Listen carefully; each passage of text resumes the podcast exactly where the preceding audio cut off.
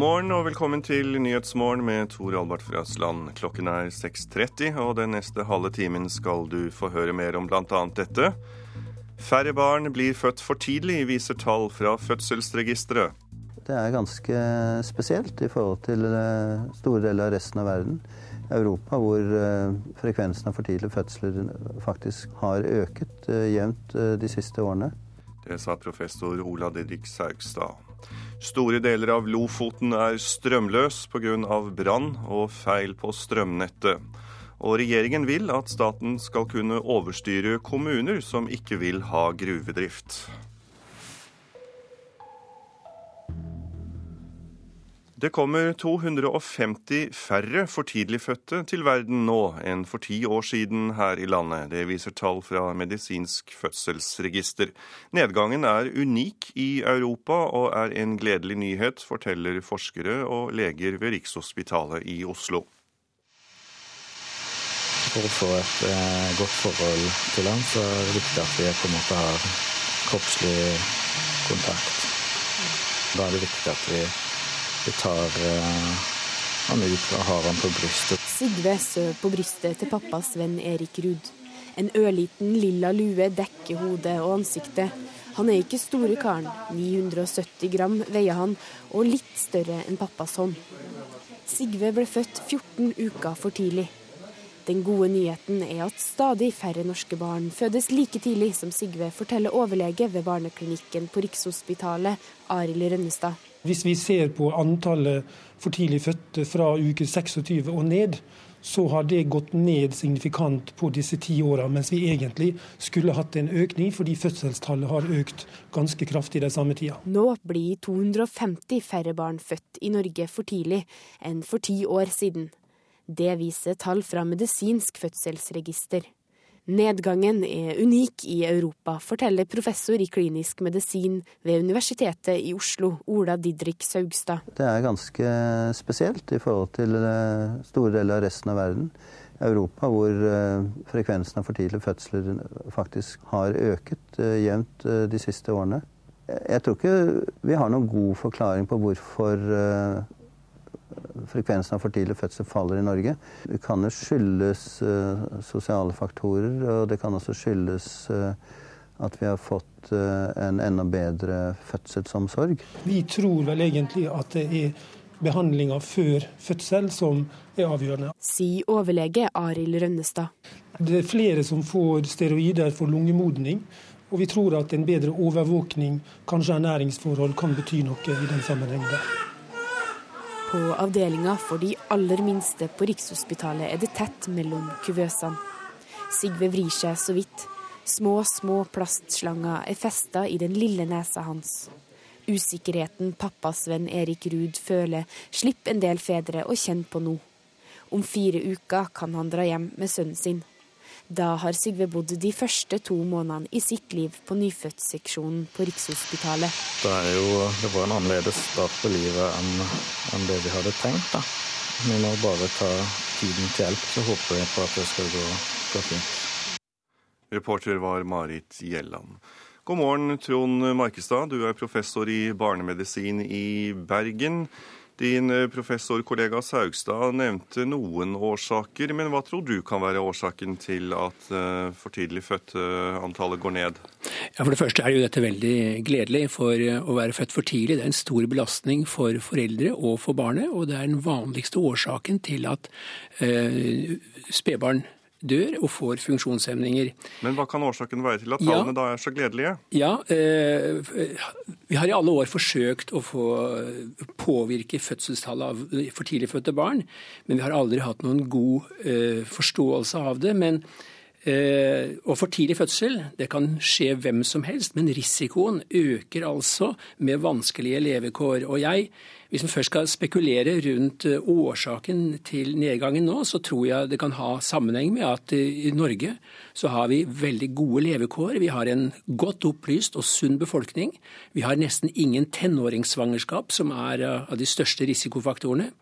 Og vi har en veldig god svangerskapsomsorg.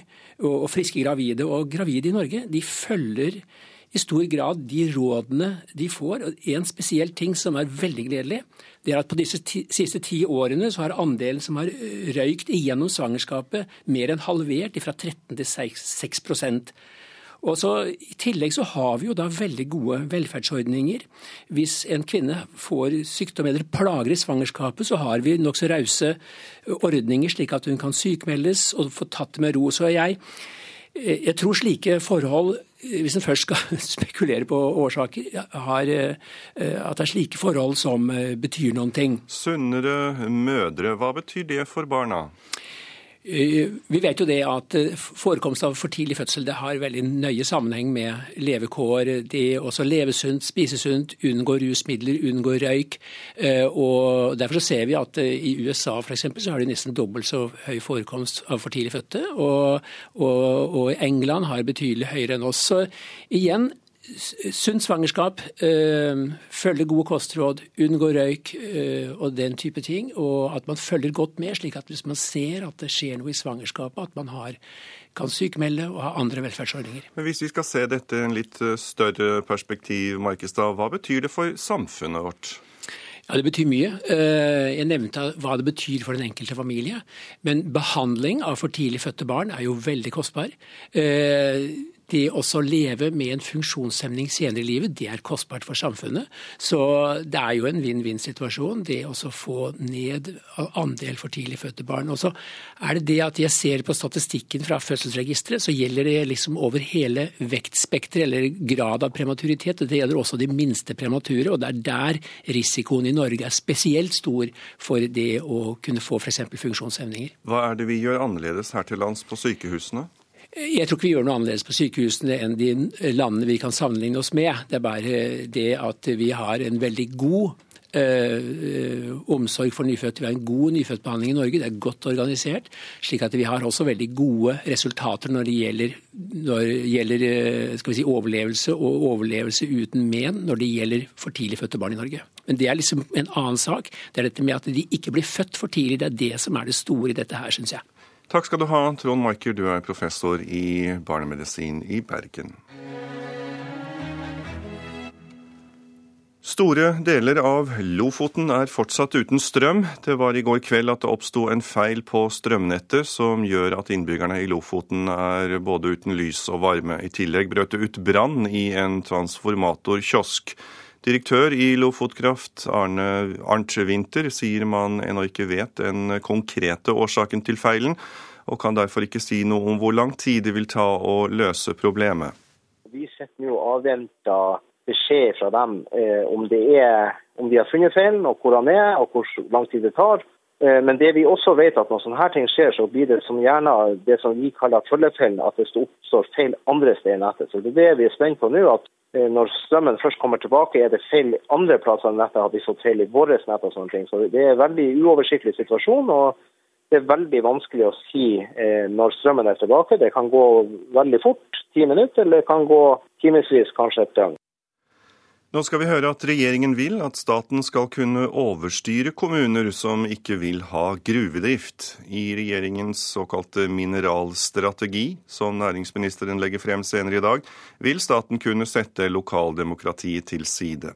Bergverksnæringen jubler, mens ordføreren i Kautokeino i Finnmark sier lokaldemokratiet blir den store taperen det er lokaldemokratiet som skal være med å bestemme om det som skjer i lokalsamfunnet. Og Det er mitt utgangspunkt, og det er rent prinsipielt. Sier ordfører Clemet Erland Hætta i Kautokeino. Han er selv for at det svenske gruveselskapet Arctic Gold skal få lov til å starte virksomhet i kommunen. Men flertallet i kommunestyret har sagt nei. Plan- og bygningsloven gir i dag kommunen mulighet til å nekte gruvevirksomhet. En som derimot liker at staten nå skal kunne overstyre kommunene, er generalsekretær Elisabeth Gammelsæter i Norsk Bergindustri. For oss betyr det større forutsigbarhet, og det er viktig. Gruvedrifta i Kautokeino er blitt en vanskelig sak for norske myndigheter. Selskapet Arctic Gold har fått letetillatelse, og de har funnet gull. De har funnet så mye at de nå vil lage en konsekvensutredning av gruvedrifta.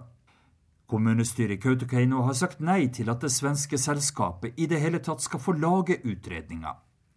Ifølge administrerende direktør Åke Claesson er de stoppa av et politisk spill i Kautokeino. Det har kosta selskapet mange penger. 50-60 millioner någonstans eh, for hele det norske prosjektet.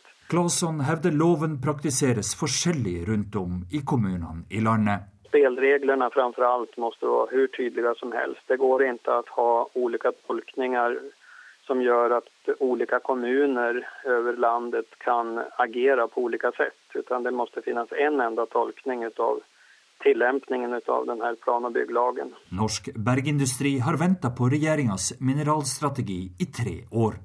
Den legger opp til at tre firedeler av Norges landareal skal kartlegges innen 2017. I dag er bare en tredel kartlagt. Regjeringa sier ja til sjødeponi, og staten med Mineraldirektoratet skal overta en del av kommunenes saksbehandling. Dermed skal det gå raskere å komme i gang. Regjeringa mener det ligger verdier i norske fjell for 2500 milliarder kroner. Når næringsminister Trond Giske legger frem mineralstrategien senere i dag, vil generalsekretær Elisabeth Gammelsæter i Norsk Bergverk være til stede. Det er en viktig dag. Det er bra at mineralstrategien har kommet. Den har tatt tre år. Har, det er mange som har jobba mye for at den skulle komme. Og nå begynner det ordentlige arbeidet, for dette er bare en start. Ordfører Clemet Erland Hætta i Kautokeino håper det blir gruvevirksomhet i kommunen hans. Men han er ikke glad for at staten nå skal kunne overstyre vrangvillige kommuner. Det fratar jo kommunene sin mulighet til å være med og bestemme det som skjer i, i lokalsamfunnet. Reporter var Morten Ruud. Og nå skal det handle om vannskuterkjøring. For lagmannsretten opprettholder dommen mot vannskuterkjøreren Joakim Verdik fra Arendal i Aust-Agder. Verdik ble i tingretten i høst dømt til 6000 kroner i bot for ulovlig vannskuterkjøring. Han vurderer nå å ta saken videre i rettssystemet. Jeg er veldig skuffa over at de ikke har dratt inn en del EØS-rettslige prinsipper som vi mener skal overstyre norsk lov. da. EFTAs overvåkningsorgan ESA har nemlig tidligere konkludert med at det norske vannskuterforbudet strider mot EØS-regelverket, og at det ikke er lov å skille mellom vannskuter og andre små motorbåter. Lagmannsretten valgte likevel å følge gjeldende norsk lov for fritids- og småbåter, som i praksis forbyr vannskuterkjøring de fleste steder. Dette må det nå ryddes opp i, mener Bård Hoksrud fra Fremskrittspartiet. Jeg forutsetter at miljøvernministeren sørger for å få rydde opp i dette her. Tar de rundene som de må ta med ESA. Og så får vi vite eh, hva som er de faktiske forhold. Og så får vi rydde opp i dette en gang for alle. Dette er lovlig i hele EU. Og det er fullt mulig å kjøre med vannskuter i hele EU. Og det er helt tullete at det bare er Norge som skal eh, sitte på haugen vår og ha våre egne håpløse regler sånn som det er i dag. Joakim Ferdich fra Arendal sier han vurderer å følge saken videre i det norske rettssystemet. Jeg ønsker å konferere med mine venner og min advokat om, eh, om hva vi gjør videre. Men jeg tror det blir til at ikke vi gir oss i denne omgangen heller, og prøver å få løfta det videre til eh, Høyesterett eventuelt. Reporter var Tom Ingebrigtsen, og Miljøverndepartementet ønsker ikke å kommentere en sak som pågår i rettsapparatet, men departementet har foreslått å myke opp reglene for kjøring med vannskuter litt skal vi ta for oss eh, forsidene på noen av avisene.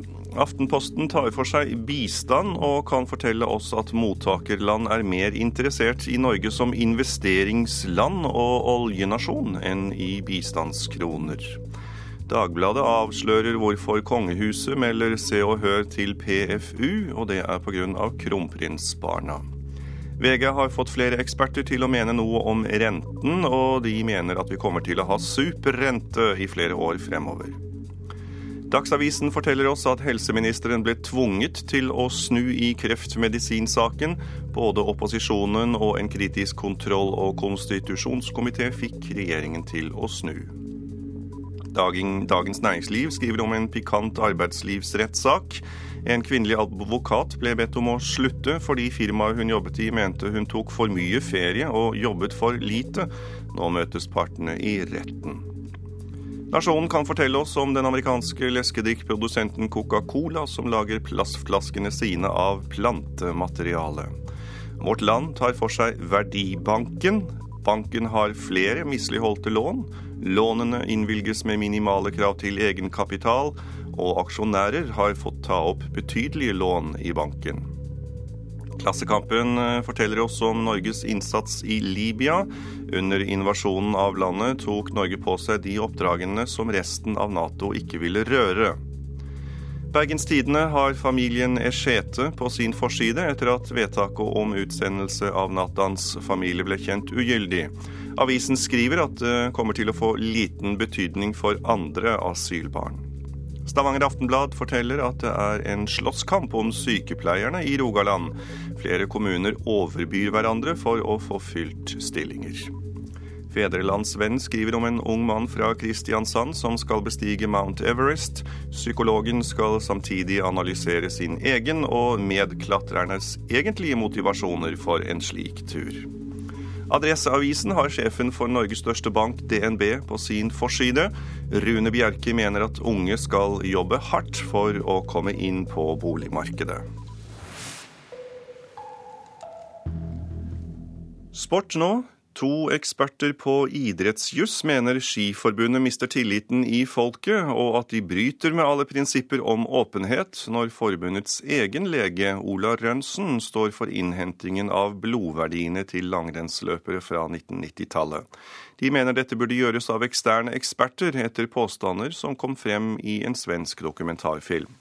Det er uheldig. Det svekker troverdigheten at en som var eh, aktør eh, på det tidspunktet, selv skal bidra i granskingen eh, av noe han selv har vært med på. Det er ikke bra. Gunnar Martin Kjenner er advokat og ekspert på idrettsjus. NRK vet at Skiforbundet kommer til å legge fram resultatene av innsamlingen av blodverdiene fra løperne på 1990-tallet i dag.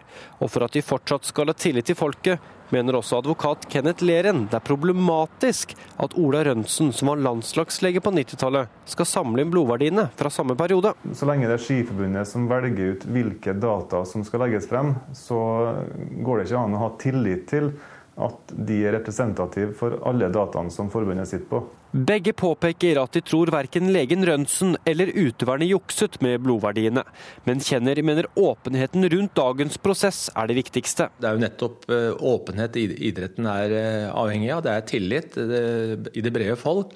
Og da, da, er jo innsyn, åpenhet og troverdighet stikkord som, eh, som absolutt bør være kjennetegnet på en prosess som denne. Og hvis Skiforbundet ikke åpner opp for eksterne eksperter, tror Kjenner debatten fortsetter. Konsekvensen kan være at debatten ikke tar slutt, og at det fortsatt blir en debatt om de høye blodverdiene. Reporter var Henrik Jonassen, og Skiforbundet vil ikke uttale seg før verdiene presenteres senere i dag. Men kommunikasjonssjef i forbundet, Espen eh, Graff, understreker at det er flere enn Ola Rønsen som skal presentere tallene. Du hører på Nyhetsmorgen i NRK P2 og Alltid nyheter. Klokken den er 6.48, og dette er hovedsakene. Færre barn blir født for tidlig, viser tall fra Fødselsregisteret, og dette er en unik situasjon i Europa. Regjeringen vil at staten skal kunne overstyre kommuner som ikke vil ha gruvedrift, og færre ansatte teatermusikere er i ferd med å forsvinne. Nå skal vi høre at på Skreia på Toten i Oppland så serverer skolen havregrøt til ungdomsskoleelever som verken har spist frokost eller har med seg matpakke.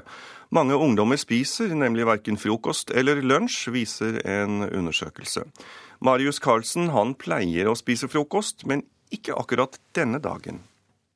For jeg sover litt lenger, eller jeg våkner ikke til vekkerklokka. Da rakk jeg det ikke. En stor undersøkelse fra Forskningsrådet hvor 16 000 barn og unge har svart på spørsmål om hva de spiser før skoledagen og i løpet av skoledagen, viste at hver femte ungdomsskoleelev ikke spiser frokost. Og nesten hver tredje ungdomsskoleelev har ikke med matpakke hjemmefra. Det kommer så mange elever hit på morgenen som har droppa frokosten hjemme. Og en del av dem har heller ikke med seg matpakke, og da blir dagen veldig lang uten noe mat. Det sier Sjur Gjestvang, sosiallærer ved Skreia ungdomsskole.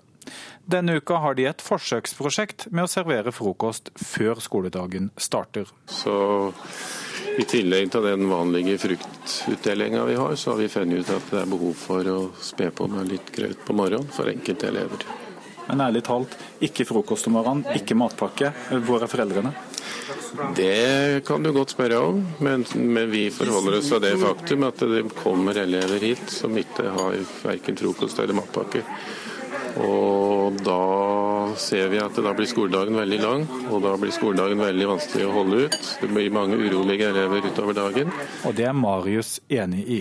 Det er ganske, eller Helt på starten er det ganske greit, men litt sånn utover dagen før maten så det, blir det litt tungt av og til.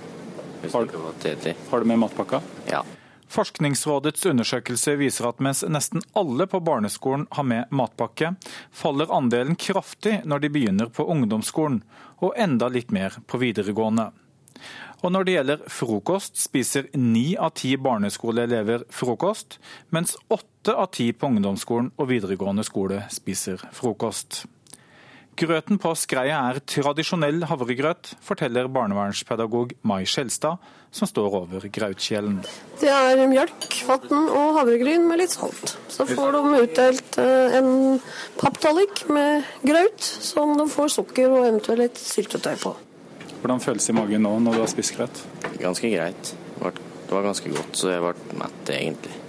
Ja, det sa en mett ungdomsskoleelev Marius Karlsen til reporter Geir Rød.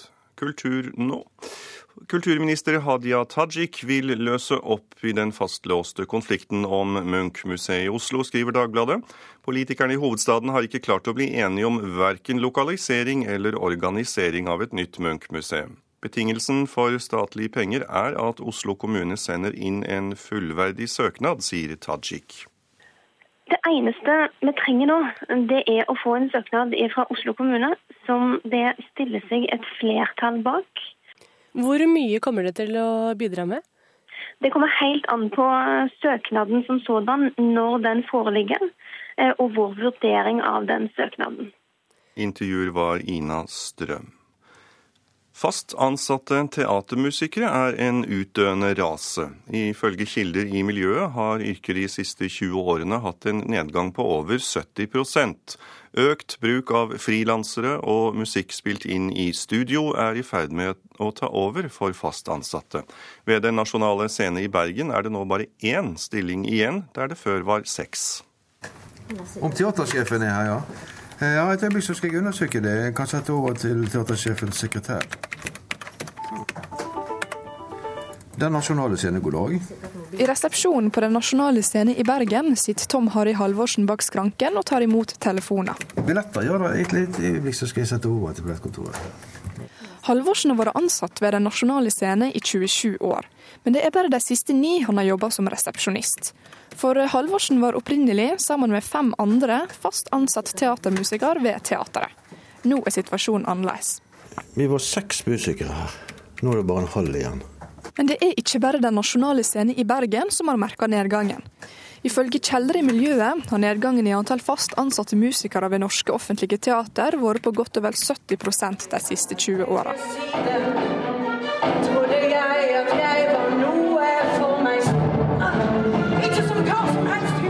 Oppsetninga av Mor Courage på Den nasjonale scene var orkestermusikken som ble nytta, spilt inn i studio. Og det er her problematikken ligger. For i tillegg til økt bruk av frilansmusikere, har flere teater også begynt å nytte ferdig innspilt musikk. Noe forbundsleder i Musikernes Fellesorganisasjon, Rene Rasmussen, stiller seg kritisk til. Den trenden vi ikke ønsker, det er hvis man går fra å bruke eh, levende musikk og musikere som sitter og spiller enten på scenen eller i en orkestergrav, eh, til å bruke boksmusikk. Det er en trend vi ikke ønsker. Teatersjef ved Den nasjonale scene, Agnete Haaland, legger skulda på økonomien. Jeg tenker at det sier noe om teatrenes budsjetter. Fordi at Det som skjedde på Den nasjonale scene, var jo at de som var faste musikere her Vi hadde opprinnelig seks, så ble det fem. De ble i sin tid sagt opp. Fordi at teatret ikke har budsjett til å ha dem eh, gående her på fastlønn. I statsbudsjettet for 2013 kom regjeringa med forslag om 1,9 milliarder kroner til scenekunst. Men med så høye løyvinger, hvor blir da musikerstillingene av? De går inn i totalbudsjettet til Nasjonale Scene. Vi ansetter kanskje flere skuespillere, vi ansetter andre kapasiteter på teatret. Vi bygger scenografi. Det går inn i det store totalbudsjettet til Nasjonale Scene. Det, har de blir ikke borte. De er nok sannsynligvis i sin tid blitt sagt opp fordi at teatret ønsket å prioritere annerledes innenfor budsjettet. Reporter var Camilla Yndestad. Og nå skal vi danse litt, eller i hvert fall skal vi høre om det svenske dansekonseptet Lunch Beat, som har spredt seg over hele verden, og nå også til oss i Norge. Flere ganger denne våren blir det mulig å danse seg gjennom lunsjpausen, i hvert fall om du bor i hovedstaden eller Volda. Hva er mer naturlig enn å dra på nattklubb og danse disko midt på dagen? Sier representanter fra seniorforeningen som står aller først i nattklubbkøen. Unge og gamle, hippe og høyst gjennomsnittlige mennesker strømmer inn fra solskinnet til diskorytmer og blinkende lys på nattklubben Ish i Oslo. Etter å ha blitt arrangert i Sverige siden høsten 2010, holder konseptet Lunsjbit på å etablere seg i Norge. Hei, Joakim Astgaard heter jeg. Jeg er en av dem som arrangerer Lunsjbit i Oslo. Den eneste ideen er at folk sitter altfor lenge og jobber i en helt lik miljø så mange timer av sin, sitt liv. Å få bryte opp det med noe morsomt og galt, det er det, det, er det som er tanken. I Norge er dans ofte forbundet med alkoholforbruk og sene nattetimer. Men en god låt kan få folk ut på gulvet, også i lunsjpausen, sier formiddagens DJ Mama Crew. Hvis du først finner en sang som er en rytme som folk kan like å kjenne seg igjen i, så tror jeg ikke det egentlig har noe å si om de er under påvirkning eller ei, faktisk. Mm. Selv om det først og fremst handler om et gøyalt avbrekk fra PC-glaning, har dans beviste helseeffekter og øker bl.a. arbeidseffektiviteten. Mai-Lisbeth Grønli og Michael Geller er danseterapeuter og behandler til vanlig folk med traumer og psykiske problemer. Man jobber bedre etter at man har beveget seg Men og danset. Jeg, jeg tror vi kan ikke ta bort den ideen at det er vanskelig. Det er vanskelig for noen folk til å bare stå opp og danse. Jeg ikke danser nå, jeg danser når jeg har hatt noen å drikke og er full. Tenk om å droppe den fasaden. Du kan begynne å leke uten deg, for alle av oss har den evnen også. Og så Det er den gang du trenger en terapeut for å hjelpe du får det til. Men hvis du kommer til en lunsjpause hvor alle skal stå opp og gjøre noe litt morsomt, da trenger du ingen terapeut. Du trenger bare å sette på noen uh, herlig musikk og sette ting i gang. Lunsjbit arrangeres nå over hele kloden, fra Mumbai til Johannesburg. Og det finnes et felles sett med regler. Ingen alkohol, alle får servert lunsj, og viktigst av alt, du må danse. Oh, you have dance. To dance if not you get... oh. Og reporter som hadde vært ute og danset i lunsjen, det var Sofia Paskiewicz.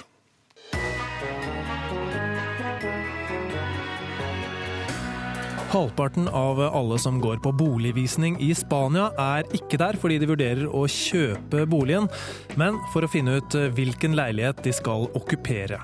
Radioselskapet ser nærmere på den voksende bevegelsen av vanlige småbarnsfamilier og pensjonister som har blitt husokkupanter i splitter nye tomme bygninger, på P2 klokka 11. Her skal vi få dagens værvarsel. Fjellet i Sør-Norge lett skyet pent vær. Østland og Telemark skyet og forbigående litt snø. Fra i ettermiddag pent vær, først i nord. Agder noe skyet først på dagen, eller stort sett pent vær. Rogaland og Hordaland får pent vær. Sogn og Fjordane og Møre og Romsdal får enkelte snøbyger.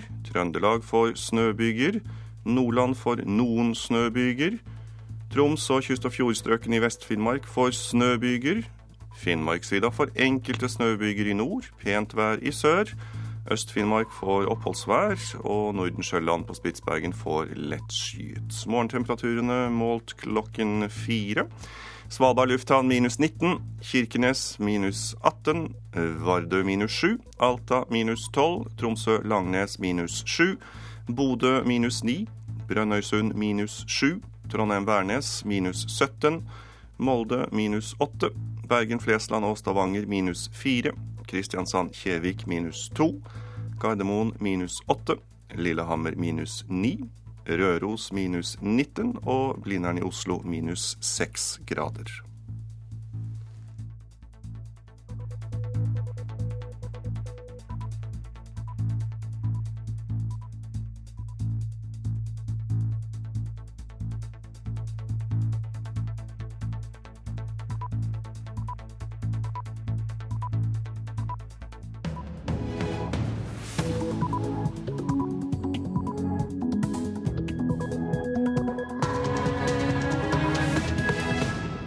Klokken er sju. Du lytter til Nyhetsmorgen med Tor Albert fra Østlandet. Her er det en nyhetsoppdatering. Norge bombet vanskelig mål som andre land ikke ønsket å ta i i Libya. En av risikoene kan være at det er økt sannsynlighet for sivile tap dersom eh, bomba treffer feil, eller at vi på annen måte treffer feil mål. Det sa oberstløytnant Dag Henriksen ved Luftkrigsskolen. Kvinner med små barn jobber mer enn andre kvinner. Det er hektiske perioder, men jeg, for min del så er det viktig å få til begge deler. For det gir meg veldig mye å være mamma, og så gir det meg veldig mye å være toppleder. Sier tobarnsmor Anne Sofie Risaasen. Kulturminister Hadia Tajik vil løse konflikten om Munch-museet i Oslo, skriver Dagbladet. Nå står hun klar med statlige kroner. Det eneste vi trenger nå, det er å få en søknad fra Oslo kommune som det stiller seg et flertall bak. Store deler av Lofoten har nå fått strømmen tilbake. Storkmarknes, Sortland og Andøya er fortsatt strømløse. Og våren lar vente på seg, og mange er nå lei av kulden. Vi eh, lever i håpet om at nå må det snart være slutt på vinteren. Det sa Toril Rolfsdatter i Gleden blomster i Kristiansand. Norske flygere som bombet i Libya, hadde så få begrensninger for oppdraget at de kunne gjennomføre kontroversielle og vanskelige bombetokt som andre land ikke ville ta på seg. Det sier oberstløytnant Dag Henriksen ved Luftkrigsskolen, som har forsket på hva som skjedde under Libya-krigen i 2011. Norge var altså villig til å ta på seg eh, oppdrag som de fleste andre nasjonene ikke ønska å ta. For mens andre land hadde vedtatt grenser for hva slags mål de skulle bombe, reiste norske piloter til Libya med ganske vide rammer. Vi fylte opp verktøykassa vår med litt av alt.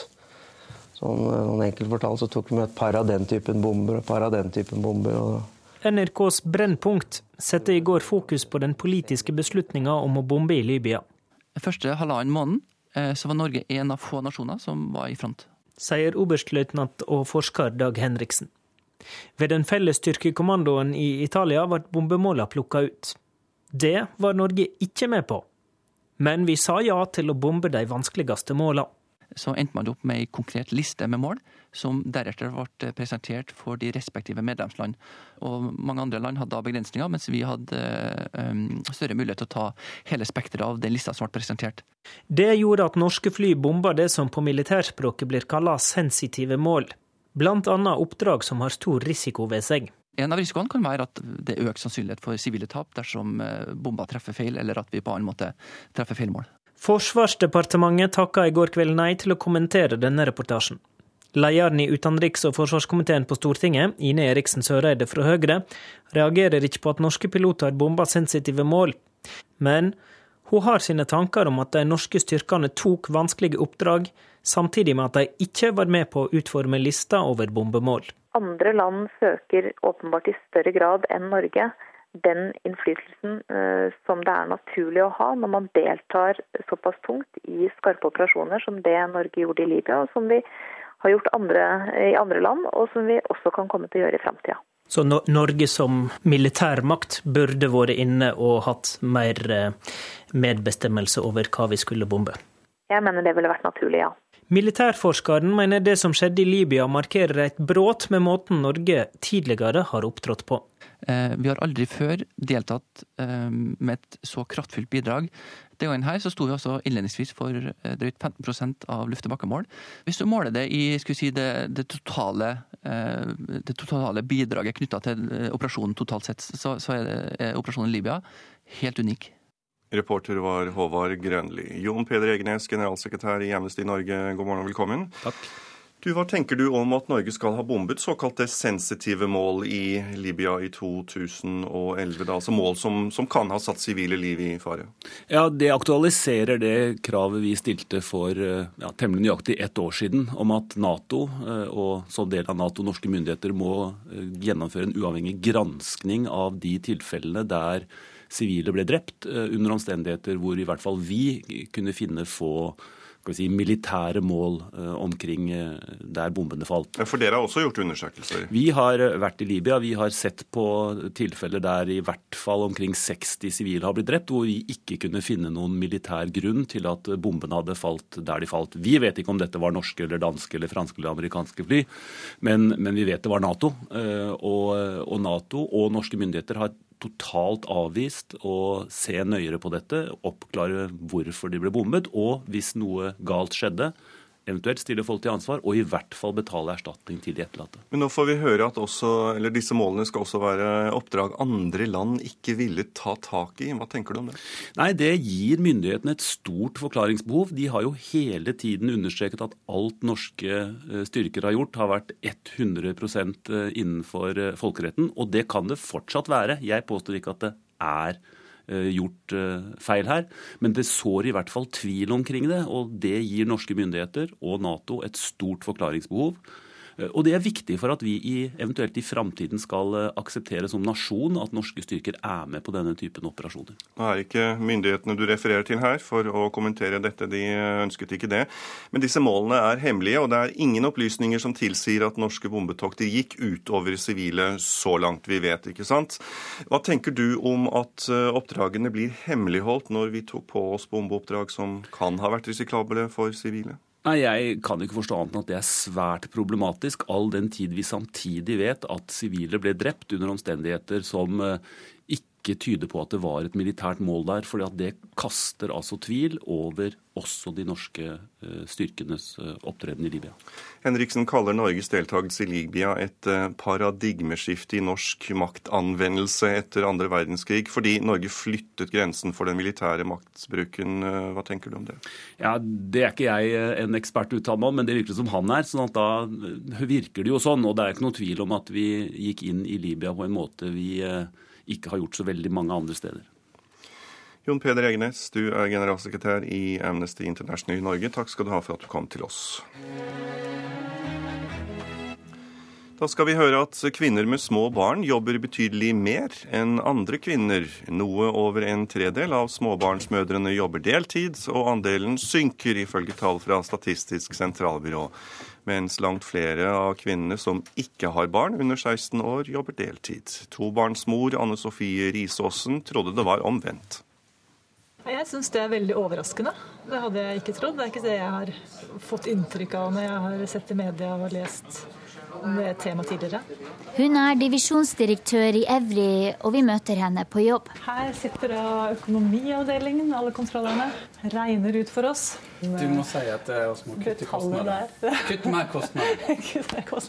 Anne Sofie Risaasen er sjef for om lag 500 ansatte, og hjemme har hun barn på 12 og 9 år. 64% av kvinner med små og større barn gjør som henne. De jobber full tid. Det er hektiske perioder, men jeg, for min del så er det viktig å få til begge deler. For det gir meg veldig mye å være mamma, og så gir det meg veldig mye å være toppleder. Og jeg syns det er veldig gøy å gjøre begge deler. Stikk i strid med hva de fleste tror, så jobber faktisk småbarnsmødre mer enn andre kvinner. 36% av kvinner med barn under 16 år jobber deltid, mens 43% av kvinner som ikke har barn, eller barn som er eldre enn 16 år, jobber deltid. Eldre kvinner jobber altså en god del mindre enn de yngre, viser tallene fra Statistisk sentralbyrå. Nei, altså Det er jo en veldig sterk myte i vårt samfunn at det kun er småbarnsmødre som jobber deltid. Sier arbeidslivsforsker ved Fafo Heidi Nikolaisen. De som har lav utdanning, jobber mye mer deltid enn de som har høyere utdanning, og deltid er spesielt utbredt i helse- og omsorgssektoren, forteller Nikolaisen. Så viser det seg at deltid kan forstås som et slags livsløp. Altså I en del yrker så lyses det ut mye deltidsstillinger, og hvis du først kommer inn i deltid, så er det ofte lett å forbli i deltid. Men småbarnsmødre jobber nå betydelig mer enn de gjorde før. Andelen småbarnsmødre i deltidsstillinger har falt med 9 prosentpoeng de siste ti årene. Nå er rådgiver for likestilling i NHO, Kristina Gyllum Hagen, er veldig glad for. Vi i NHO er veldig glad for å se at eh, stadig flere småbarnsmødre velger å bruke kompetansen sin på full tid i arbeidslivet. Og det tror vi henger sammen med at de som er småbarnsfamilier i dag, de deler likere på arbeid og omsorgsoppgaver i hjemmet mellom mødre og fedre enn kanskje småbarnsfamilier gjorde før i tida. Tilbake i Evry har Anne Sofie Risaasen aldri vært frista til å jobbe deltid, selv ikke da barna var helt små. For meg ville det ikke vært riktig. Da ville jeg heller ikke fått de jobbene som jeg ønsker å ha. Å være deltidsarbeider og toppleder sånn som jeg er nå, det hadde nok ikke gått an å kombinere. Reporter var Linda Reinholdsen, og jeg har fått besøk av Tone Rønholdtangen i LO Stat. Der er du leder. Og Anne Kai Bratten, du er viseadministrerende direktør i arbeidsgiverorganisasjonen Spekter. Først til deg, Rønholdtangen. Hva tror du årsaken til at, de, til at det særlig er de uten små barn som jobber deltid? Det er vanskelig å si, men mest sannsynlig er det fordi at eh, de hadde små barn før det ble full barnehagedekning. og i en tid da far hadde svake rettigheter, sånn at eh, det var mødrene som tok vare på barna mens de var små, og at de kom inn i en slags deltidskultur, at de begynte å jobbe deltid og har fortsatt med deltid etter det. Så dette er rett og slett noe de ikke klarer å vende om etter dagens arbeidsmarked, til å jobbe heltid også?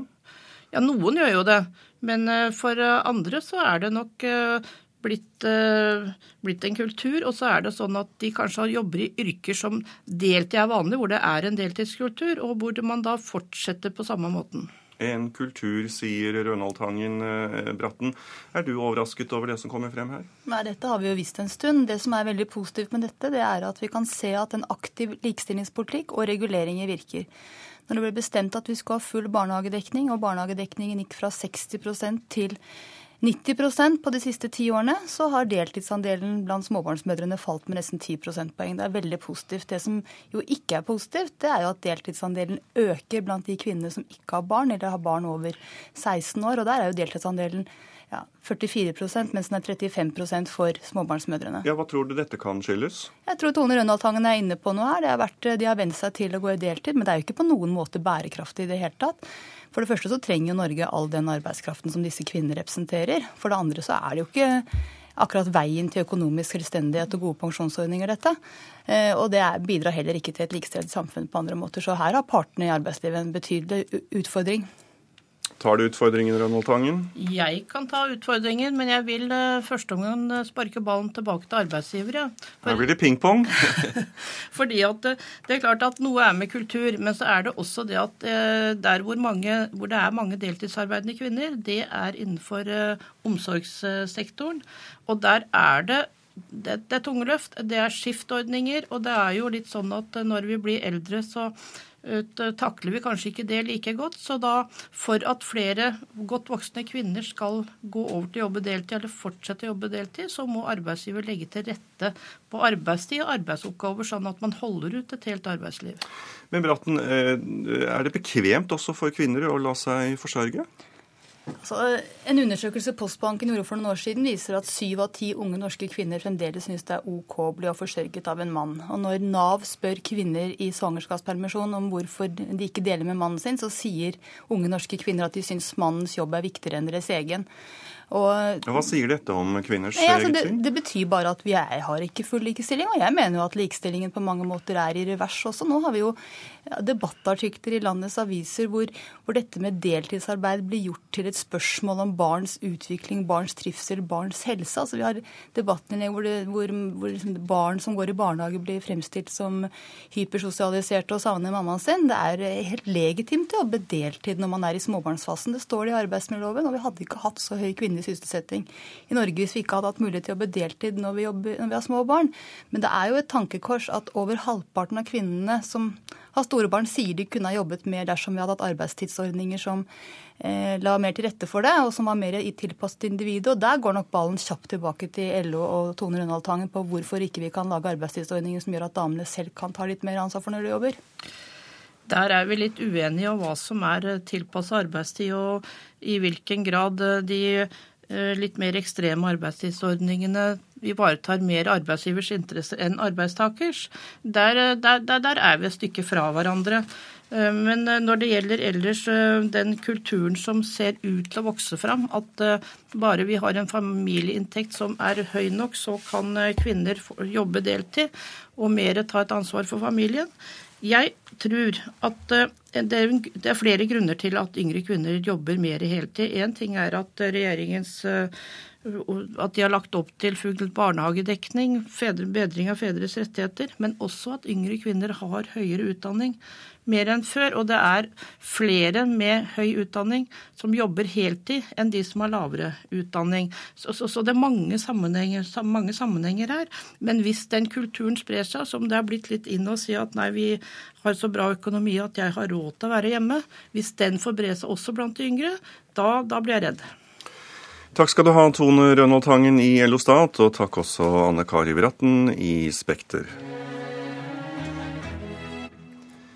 Venstre foreslår at alle asylbarn skal få oppholdsrett etter tre år i Norge. Forslaget kom etter at sju år gamle Nathan Eshete vant rettssaken mot Utlendingsnemnda i går. Oslo tingrett mener Nathan er norsk og ikke kan sendes ut av landet. Nå mener Venstre at saken må få følger for alle asylbarn, selv om Nathans sak ikke er endelig avgjort. I ei stue i Ytre Arna står en glad sjuåring og danser. Oslo tingrett mener Nathan Eshete er norsk, og at UNE ikke kan sende han til foreldra sitt heimland, Etiopia. Vi er veldig glad. Det er eh, stor lettelse til oss. Men far til gutten, Asfa Veshete, har fortalt Nathan at det ikke er over ennå. UNE kan anke, de forventer de med å juble. Men politikerne venter ikke. Nei, Det var ren og skjær glede og, glede og jubel. Nestleder i Venstre, Terje Breivik, mener dette må få følger for de over 450 andre asylbarna. Hensynet til barnas beste må veie mye tyngre i UNEs saksbehandling. Så Det er jo da dommen viser at uh, her har en ikke, ikke ilagt det argumentet tunge nok omsyn. Vi har foreslått at barn som har vært i Norge i minst tre år, automatisk skal innvilges oppholdsløyve. Det er eh, et dårlig forslag. Det svarer Pål Lønseth, statssekretær i Justisdepartementet. Det er eh, ingen god politikk å lage et regelverk som sier at uh, barns beste alltid får gjennomslag, uansett uh, de motstridende hensyn og hvilken vekt de har. Det er mange eh, situasjoner som da vil oppstå, hvor foreldre som er her med sine barn, vil holde seg fast etter et avslag, og da få et opphold de ellers ikke har krav på. Du straffer ikke uskyldige barn for, for handlinger som voksne er skyldige. Reporter var Runa Victoria Engen. Du hører på Nyhetsmorgen i NRK P2 og Alltid nyheter, og dette er hovedsakene nå klokken 7.17. Eh, Norge bombet vanskelig mål som andre land ikke ville ta på seg i Libya. Amnesty krever granskning. Kvinner med små barn jobber mer enn andre kvinner, det viser tall fra Statistisk sentralbyrå.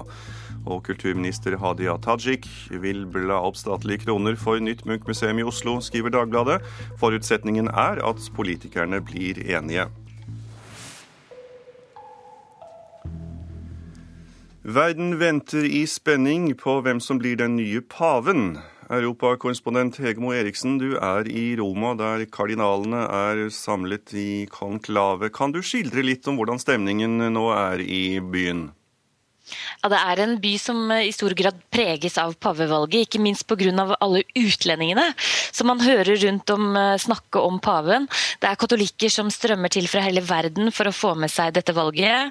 I tillegg så ventes det jo flere Eh, altså rundt 100 000 maratonløpere eh, som skal innta byen til helgen for å løpe Roma maraton.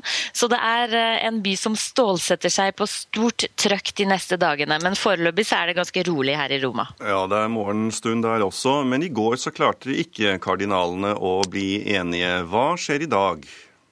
Ja, Nå skal kardinalene stemme fire ganger hver dag, helt til én mann har to tredjedels flertall. Og etter stemmerundene, som er da på formiddagen og på ettermiddagen, så brennes stemmesedlene. Hele verdens øyne er nå rettet mot en liten pipe over Det sixtinske kapell i Peterskirken, hvor svart røyk viser at ingen har eh, flertall, og dermed at ingen pave er valgt, og hvit røyk viser at en ny pave er valgt. Dette kan ta flere dager. Eksperter mener at vi kan ha en ny pave mot slutten av uka. Og det de også sier, er at eh, kirken ønsker å få dette ganske raskt unna eh, av flere årsaker. Det ene er at de ikke vil gi inntrykk av at det er en kirkesplittelse. Og det andre er at man ønsker å ha en pave på plass innen påskefeiringen starter i slutten av måneden. Hva er det som preger debatten rundt valget av ny pave?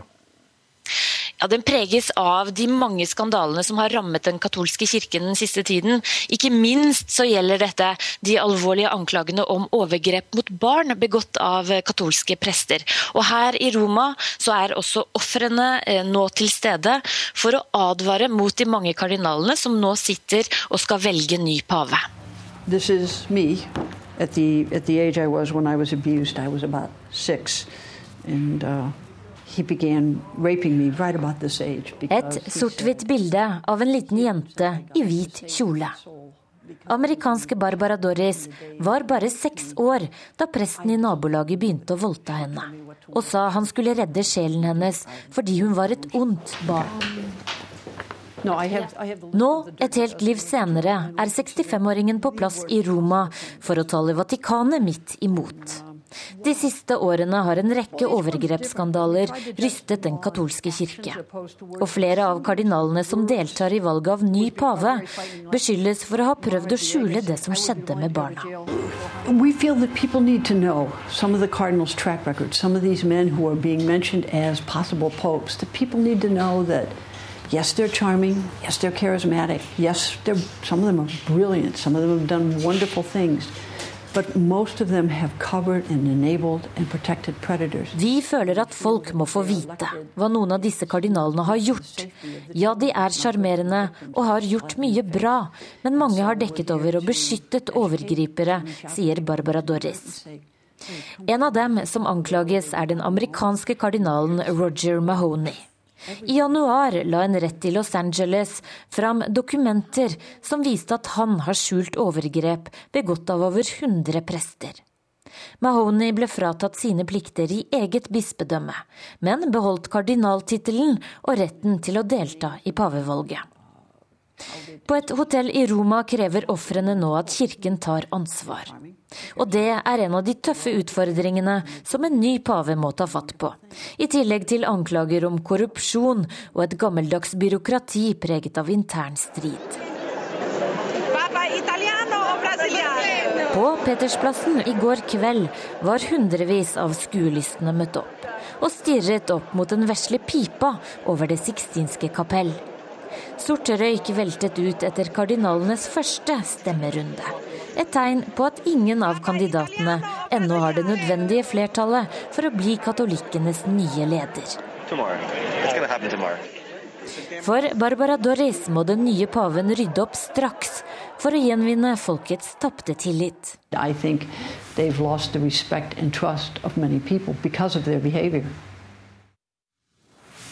Avisforsidene nå.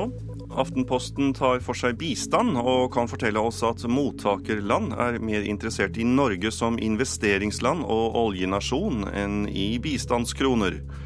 Dagbladet avslører hvorfor kongehuset melder Se og Hør til PFU, og det er pga. kronprinsbarna. VG har fått flere eksperter til å mene noe om renten, og de mener at vi kommer til å ha superrente i flere år fremover. Dagsavisen forteller oss at helseministeren ble tvunget til å snu i kreftmedisinsaken. Både opposisjonen og en kritisk kontroll- og konstitusjonskomité fikk regjeringen til å snu. Dagens Næringsliv skriver om en pikant arbeidslivsrettssak. En kvinnelig advokat ble bedt om å slutte fordi firmaet hun jobbet i mente hun tok for mye ferie og jobbet for lite. Nå møtes partene i retten. Nasjonen forteller oss om den amerikanske leskedrikkprodusenten Coca-Cola, som lager plastflaskene sine av plantemateriale. Vårt Land tar for seg Verdibanken. Banken har flere misligholdte lån. Lånene innvilges med minimale krav til egenkapital, og aksjonærene har fått ta opp betydelige lån i banken. Klassekampen forteller oss om Norges innsats i Libya, som også vi forteller. Under invasjonen av landet tok Norge på seg de oppdragene som resten av Nato ikke ville røre. Bergens Tidende har familien Eschete på sin forside, etter at vedtaket om utsendelse av Natans familie ble kjent ugyldig. Avisen skriver at det kommer til å få liten betydning for andre asylbarn. Bergensavisen skriver om kaos i trafikken når det blir omreguleringer etter påske i Bergen. Stavanger Aftenblad forteller at det er en slåsskamp om sykepleierne i Rogaland. Flere kommuner overbyr hverandre for å få fylle stillingene. Fedrelandsvennen skriver om en ung mann fra Kristiansand som skal bestige Mount Everest, men psykologen skal samtidig analysere sin egen og medklatrernes egentlige motivasjoner for en slik tur. Adresseavisen har sjefen for Norges største bank, DNB, på sin forside. Rune Bjerke mener at unge skal jobbe hardt for å komme inn på boligmarkedet. Og Nordlys har historien om en mann som fikk hjertetrøbbel mens han kjørte bil. Han kastet seg ut i veien og berget dermed livet. Det er ikke lenge siden folk i sør opplevde tosifrede antall plussgrader og sterke vårfornemmelser i luften. Men hvor lenge varer egentlig en vår? Nå er det minst like mange minusgrader som det for kort tid siden var plussgrader, og enda en liten stund ser våren kun ut til å være et fjernt håp. Byglandsfjord åtte grader, mens Gjerstad har ti grader. Hynnekleiv ni og Lynger ti grader. Dette var temperaturene du kunne høre opplest i Sørlandssendinga i månedsskiftet februar-mars. Godt og mildt, fuglesang og begynnende liv i blomsterbedet langs noen husvegger. Men det var den gang. Jeg synes det ligger veldig mye nedbør, og den uvedkommende snø på Sørlandet. Plussgradene og vårstemningen er for lengst byttet ut med minusgrader og dunjakke. Der jeg står på gata i Kristiansand utenfor Gleden Blomster sammen med Toril Rolfsdatter, ser vi på et fortau som er tomt, men som for en uke siden var fullt av blomster. For halvannen uke siden så var det jo så skjønt uh, vårvær at da kunne vi ha alle blomstene ut forbi butikken her. Men den vårfornemmelsen svant ganske fort bort? Den varte ikke lenge, nei. Så nå er det bare å ta med seg blomstene inn, og så er det vel snart eh, vår i lufta igjen. Men innenfor myldrer det av blomster. Og Toril må innrømme at det er mentalt tungt å måtte ta to skritt tilbake. Det er det jo. Sånn er det jo for alle. Men vi lever i håpet om at nå må det snart være slutt på vinteren. Toril, skal vi ikke prøve å synge for å få våren fram? Jo, det må vi. For meg du skjønne milde, gjør skogen natt og grønn. Hos G-sport er det ikke store avstanden mellom vårlige joggesko, sykler, staver, ski og snowboard. For et par uker siden solgte Alexandre Di Silva Fjermås både sko og sykler, fordi folk trodde våren hadde kommet. Men nå går det i helt andre ting igjen. Her har vi da ski. Vi har solgt veldig mye av disse i det siste pga. kulden. Men, men, for to uker siden, når det var eh, sol og milde temperaturer, hva gikk de da? Eh, da er veldig, veldig mye etterspørsel av sykkel. Og da tenkte folk at nå hadde våren kommet? Ja, da, da, tenkte folk at våren hadde kommet. Men det hadde den jo ikke? Nei, det hadde den jo ikke. Skulle jo fortsette med vinter før enda påskeferien igjen. Men hvordan er det nå egentlig med denne våren? Er det vi som er altfor utålmodige, eller må vi rett og slett lære oss en lekse? Bernt Lie er værstatistiker og gir oss faktisk litt forståelse denne gangen. Nå er jo ofte folks hukommelse relativt beskjeden, men i fjor så hadde vi jo eh, en eh, veldig spesiell februar, og vi hadde varmerekorder i mars. Så når det plutselig da, eh, omtrent på samme tiden, ett år etter varsles kuldebølge og snø, så går man rett og slett i vranglås. Reporter i den kjølige sørlandsvåren, det var Yngve Stiansen. Det ligger an til seier for det sosialdemokratiske partiet etter valget på Grønland i går. 70% av stemmene er talt opp, og partiet Siumut ser ut til å få rundt 48% av stemmene. Statsminister Kopik Kleists parti får i underkant av 30% oppslutning. Det var stor interesse for valget, som kan peke frem mot et krav om full uavhengighet fra Danmark. Roboten Curiosity har funnet tegn på at, kan, at, det en gang kan ha vært liv på planeten Mars. Det melder den amerikanske romfartsorganisasjonen NASA. Kjemiske analyser av en leireaktig stein tyder nemlig på at det har vært vann på Mars. Det er Nyhetsmorgen eh, i NRK P2 og Alltid nyheter du lytter til. Og i løpet av den neste halve timen så skal du få Dagsnytt med Ida Creed. Dagens utenriksreportasje dreier seg om en tidligere britisk statsråd som må i fengsel. Og Politisk kvarter det er i dag ved Per Arne Bjerke. I studio i Nyhetsmorgen denne morgenen er Tor Albert Frøsland.